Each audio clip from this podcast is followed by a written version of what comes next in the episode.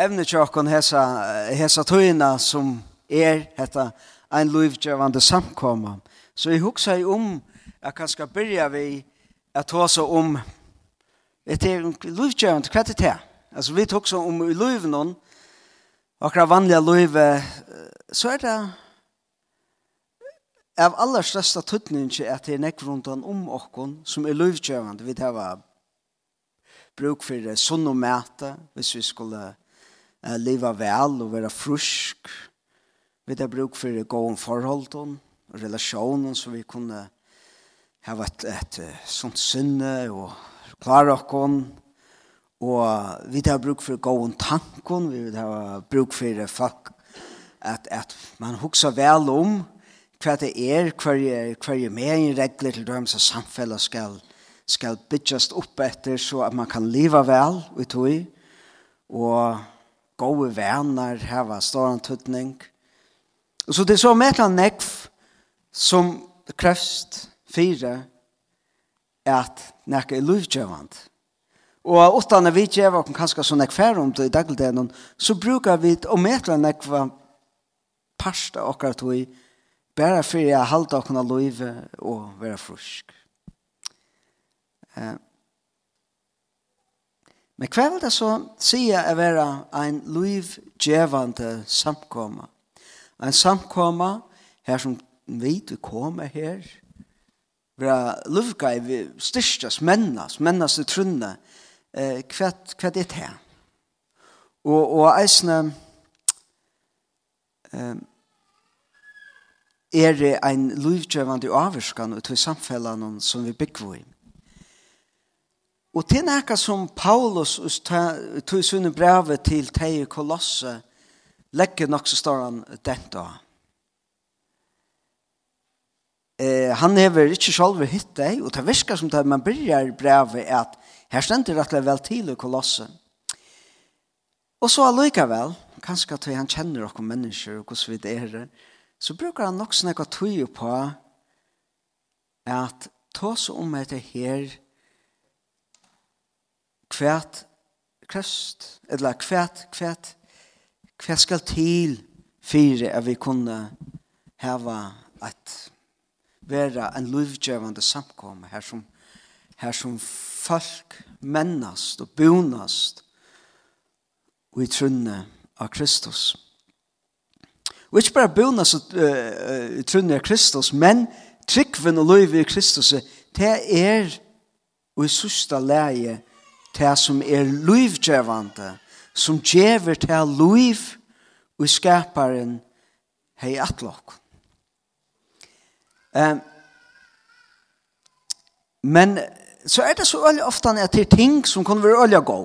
Ja, og liv og vi kjenner det uh, vel, uh, som i seg selv kan være øyelig gå, men så latt kunne fære av leie. Og Paulus brukar, og jeg som brev faktisk nok snakka tog på, imsa måter hver folk kunne genge opp på i, som første egna uh, virker som av. Hette ser godt ut, men som kan avskjeplast. Så han avhører deg til lømes umåter at uh, ikke leta seg fenka atter av noe som er hever øyelig godt. Ja? Altså, til loven og regelsette og, og til, til, til som god til by i Israel og halda i foran. Sjalt det, sier Paulus ser vi til tvest djevist. Lærte dere ikke bare fenga av ja, ja, eller ja, her, det sier det er det vi at tvest, hva sier om du skal hava ett liv som en kristen, som en som parstar falske gods, en som måste halta sabbataren, du skal halta hesa deaner og hesa deaner. Nu, nekva tog i seg sjálf, det er skott, altså, jeg halte flest av okkom, vi halte at uh, jeg er over glad for at vi halte poster og jól og kvitt sånne, og at sånne dæveren er en dæver for okkom som er uh, nekka meir enn tar vanlige deaner. Er det så det som Paulus sier at puff, nei, alt det her, droppa det. Jeg hadde ikke det. Men det som han avværer moter er rett her, han sier, hik her faktisk jeg vet ikke hun, at om to verlig skal være kristen, det som er, det som er, alt krevjande er, er at du heldig hesa det ene. Og du skal gjøre hatta, og du skal gjøre hesa religiøse gjerninger, du skal gjøre hinner, Og Og her du gjørst det, så kan du ikke velge råpa det en, en, en, en go, uh, godt batja gode som djevel liv. Og Paulus sier at det for han veien, bum, og så stedet for livgjørende, så fører det deg av seg. Sattene sier han så, så kjalt, gover og atronalier sier og venner, sier Paulus, kunne bli drepant. Og så tar han eisen jo om uh, Hette her sattni her, leta de ongan døma til kom fyrir mæt, eller drekka, eller vujtjan til høgt, til solkom, eller sabbat hevar da, ja. Og hittir eisen til at um, sjalt, det er sånn gode moralske regler, seta seg nekkar karmar og om om løyve tvast. Ikke eta for nek, ikke drekka for nek, um, tvast det vet vi kun just en lenga lista men sjalt här ta ta bluver till Du vet, du skal halda hetta og på hendan og på hendan matan. Og vi kjenner det kanskje at vi vet öll at vi gengur tjøkken livet så har vi bruk for okkara reglon, okkar som, som skipar livet tjøkken. Men vi vet öll kanskje eisen kjent til, ta vi møter folk som genga så høgt opp i, du skal fylle her som reglen, såleis og såleis og såleis og såleis. Det blir rævlig straff Og man har fært kanskje spudjande vamle, bare vente seg vekk fra øtlån. Og Paulus sier det samme, hatt det helt ikke leien som djevel liv. Og så sattene så sier han, men ta motsatt er helt ikke det. En sånn reinterske hedonisme her som han sier, Gjer akkurat det som du er hotils, det som du vill, det som uh, du veist uh, fyllbæra hjertan og i hjertan tess listan til det vei hva det ryggar best og det vet at ah, nei det vi fører kjøtt til deg Vi har og mynden kanskje vi bruker vi ötlens nere er, er til at jeg var i, i um, Edinburgh enda av mars 1. april hotellen her som vi bor i ja, Det gjør det forskjellig for å savna penger inntil sånne godkjørende endamal. Et som det høtte, eh, det var, det var et glas ved vattnet, og så la en appelsin ved vattnet, og så stod det og sier, hvis du setter en mynt av her, en pund eller hva det var, eller trus pens, og du klarer å få en litjante, jeg minns om det var 5 sekunder eller 10 sekunder, så fikk man en døvra matstående i hotellene. Man huxar, det har mamma prövat, man huxar. Alltså en appelsin, hon är nog så rufflott. Ja, det kan inte vara så tvärst. Hon är inte hal. Och så, så var och så han det, visst du inte klarar det så fer, Så detta myntre ner i glaset och så fast inte teater så fer det till och ett landa. Huxar om, nej, jag hade man så. Passa ordentligt väl på han, lägger det ordentligt. Mitt fyra, mitt nere, ordentlig spekler släppa. Helt det här för jag gänka. Och det här var alltså beina vägen. Så koppar apelsinen som en bulter som vattnen vi omgår mot sig. Och eh, så så andra prövar att akkurat det samma. Du, du röjner få balansen akkurat rätt. Så att det var ett fall. Och i halte att såles er det øyelig ofte. Jeg vet ikke om de kunne kanskje kjenne at jeg här etter her sånn her, ta man hugsa om sitt egna løy, ta fiskar, du veist, man, man finner på ting, man gjør, man fær seg venner, og, og, og veldig ofte alt etter bæra for å finner seg jaunveien her.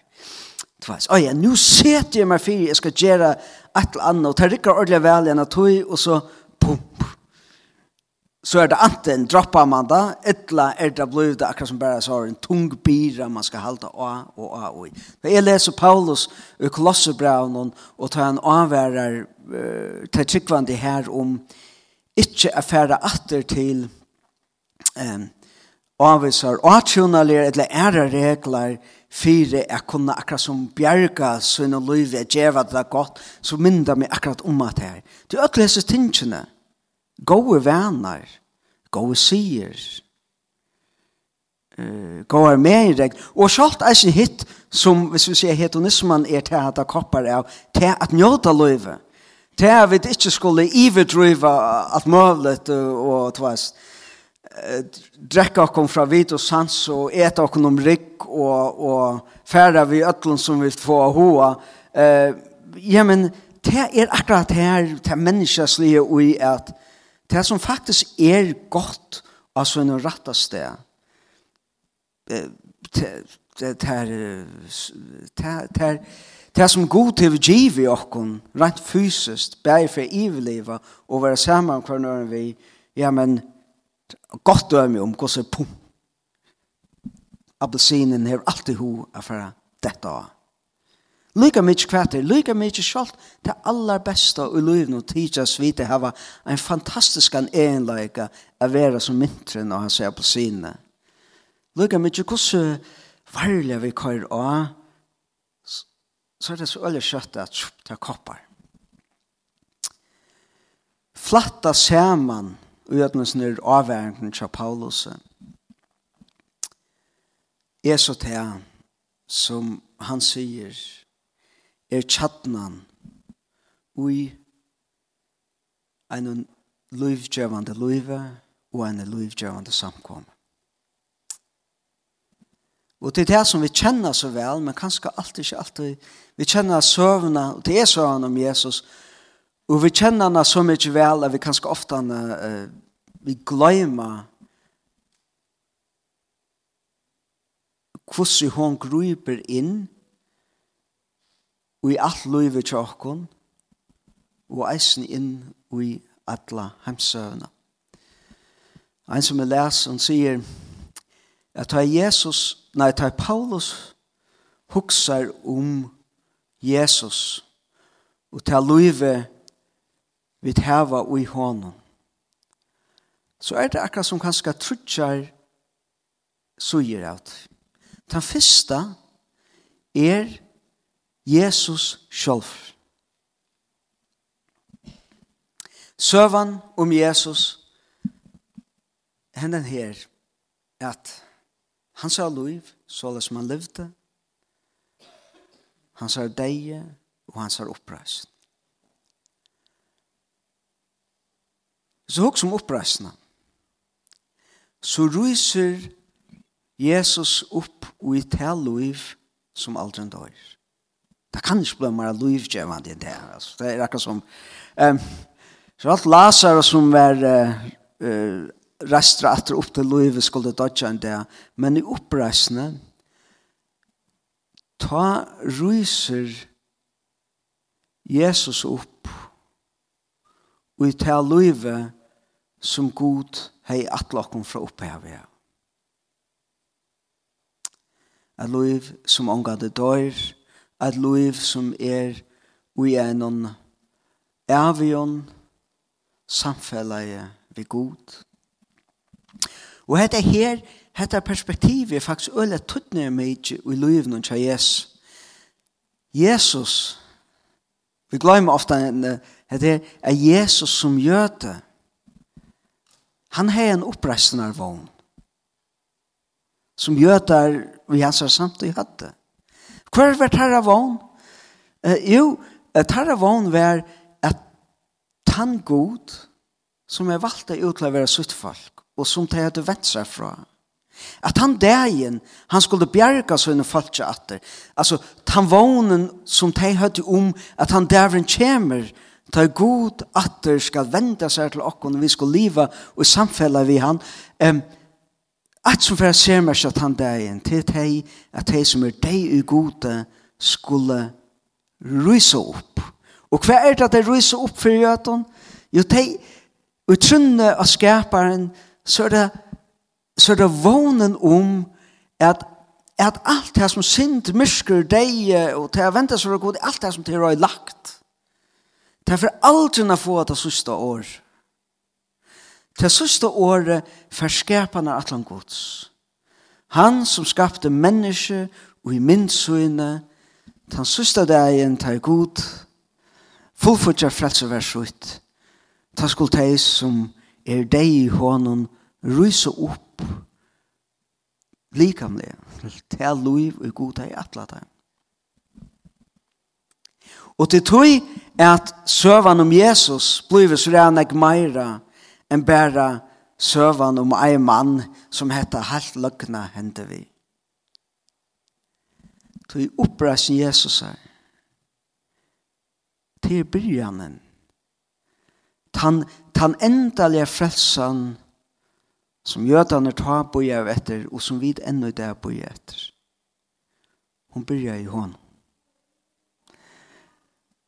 Ta Jesus reis opp var det ikke bare hans privata hending, men det er byrjande av tog oppreis som vi bor i etter. Tog ver Jesar oppreis røpt fyrsta frukt.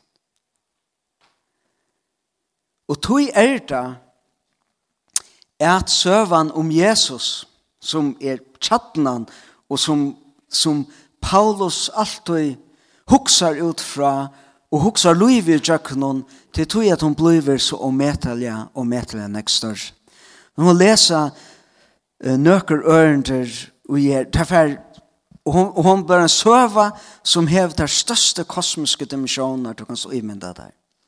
Til tog så han sier, og byrjan av braunen, hes i ørendene som teg, vi har bare lort til å syndra etter meg, og jeg har hørt som jeg sagt, sikkert nekva fyrir fyrir, men det er så fantastisk. Han, Kolossbra 1, vers 15. Han er min godsins og skjønnelige og hin frumborne allskapning. Toi i hånden vær allskapt, tæ himlen og tæ hjørne, et skjønnelige og et åskjønnelige, vær ta nu hasa til herradømme, tykner og vald, alt er skapt vi honon og til hansara. Han er framman undan ötlun og ui honon er til alt er standande. Han er høtt sin samkomna tilfør det kom til en pinkleløte. Han som er opphavet, hin frumborne, så opphavet, byrjan, og så hva anna? Hin frumborne av hin og deie. la skuldi han opphavet og i ötlun veri en fyrste, til god loika i at öll fyllingen skulle byggve i honom, og vi honom gjerra alt satt vi se, veri ta nu ta som vi a gjørn er, etla ta som himmelen er, ta i han gjør det fri vi blå kross hansa. Uppreisen Jesus er, vært her som verlig hendt i honom. Men det här som Paulus sier om oppreis Jesus, som början av oppreisene, som börjar okken til det er at ui Jesus kom god sjolver, sonen, som var oppronen til alt skapande verst.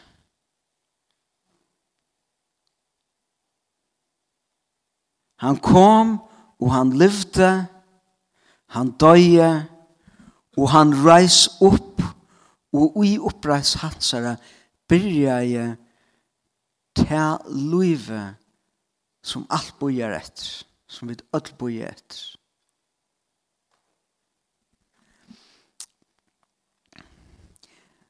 Og legger merke til her at han sier at alt velder, alle makter, verda det som vi suttja vi egen eller at her velter og makter tankar, det er alt mulig som, som vi ikke sutja. Han er herre tarra eisen. Han er eisen oppbrunnen til det her. Og så vidt så hoks om det at vi vet som menneske synden og det at vi har vent gode bætje. Ja? Det er evangeliet vi tar oss om at det nå. som her som alt gjør det så at det kveikla av lei, at alle pengene som vi røyner alt fast og litt nere i botten av, av glasene.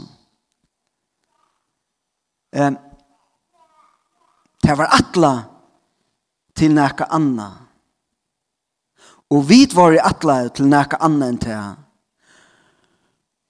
Og god hever ikke givet opphet, og han fer er fullfutja versut. Og her møter vi så tog som er det mest paradoxala og i ötlom tog som vi sier og trykva. Til det er at ta Jesus stod i krossen så så det ut som han er tapt.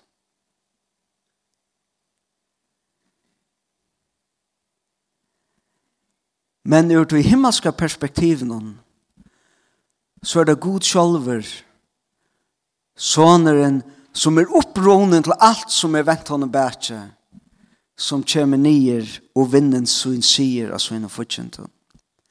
At den største makten, og i endan den mest livgjøvende makten, Det er ikke så som god visste seg parstvis av nekva matar i jøkken bøyblene, så i bøyblene og i søvnene som vi leser her. Men han viser seg av mest fullfutja av matar og eisen så mått av mest fullfortjenhet.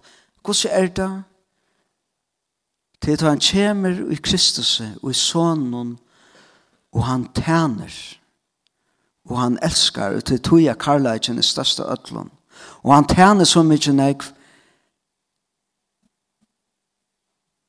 at han leter løyver sånne fudgjendom at repas kvøy til ta for god bant inn og i Det er myrka som myrkere som vi nekrande kunde oppleva.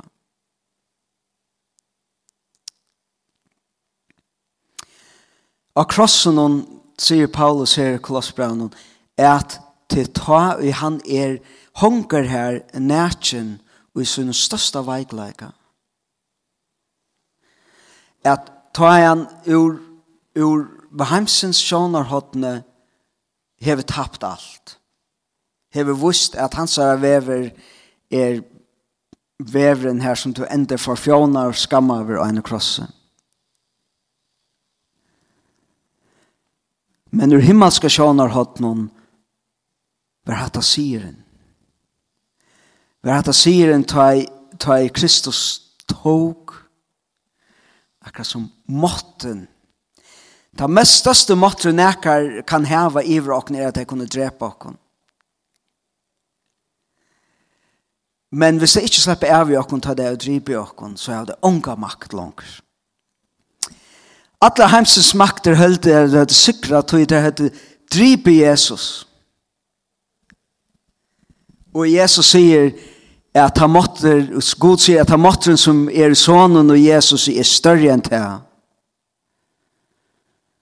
Og vi sutja at det som vær åsiren til en sier ta Jesus ryser opp fra dem deg. Det som Israel hei boi etter, hendte i hånden. Det hadde boi etter at Gud skulle komme og sikra, og at öll skulle, de som var deg Gud skulle ryse opp.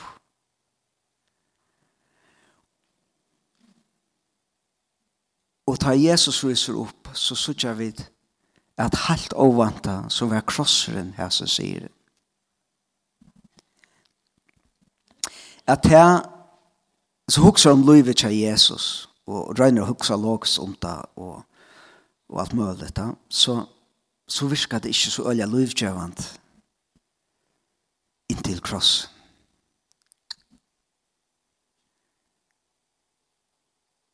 men han reis. Så gjør det hatta er hvis det første aspektet var men søvann om Jesus sjálvan som han dør og ryser opp, så er dette aspektet som er der viaste karman er møvlet. Som fer ut, som vi lås i hesen brotten, som fevner i alt, til alt var skapt og i hånden, og til hans og vi hånden, og så framveis, og så framveis. Og så var det som luttelig setning grunn.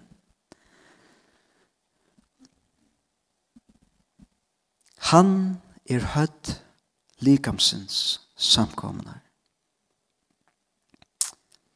Mitt og i, så i øren kapitlet tar i Paulus uh, tåsar om uh, hvor vi ikke skulle uh, være fengt i av og livet en trælabandi av at han omkar sier, selv om det er religiøse autoriteter som sier, at du skal gjøre så leis og leve så leis og alt og hatt og hit og sier at færre, så venter han atter til et her og sier og forklarer hva hva hva hva hva hva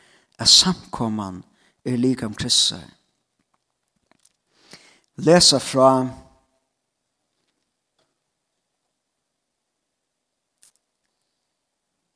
fra vers 8 og i øren kapittel. Suttje til at ongen er som gjer tekken til roan vi vustan om hemsens og fafangt er vittlig etter arvalære mannene etter badnalærdom om hemsens og ikke etter Kristus. Då i hånden bor ødel, så teker han atter og innekka til han sagt, då i hånden bor ødel fytling goddomsens likamlige og tid er det fyllt i hånden som er høtt alls vals og herradømens. Og i hånden er tid eisen omskåren vi omskjering og i ikkje er gjørt vi hånden vi at vera leten ur holds likanon vi omskjering Kristus er. Griven vi hånden og dopenon som tid eisen er oppreist og i saman vi hånden vi trunnja av kraftgods som rasti han upp fra hinun deio. Eisne tykkun, som var dei og syndun tykkara, og oomskorna stande tykkara, holden hun, gjørte han livande vi honom.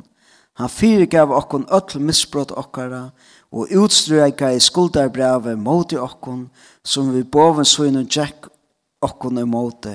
Han tok da bort vi at nekla til av krossen.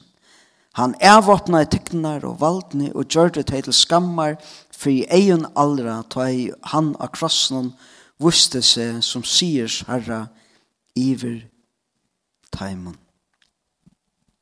Tøyen hon er færen, så jeg skal si helt stort om dette sørste aspekt. Det som vi da bruk for er hvis vi skulle leva være en livgjøvende samkomma og livgjøvende folk og kjenne livet til til vi må bors ur her som glæser noe.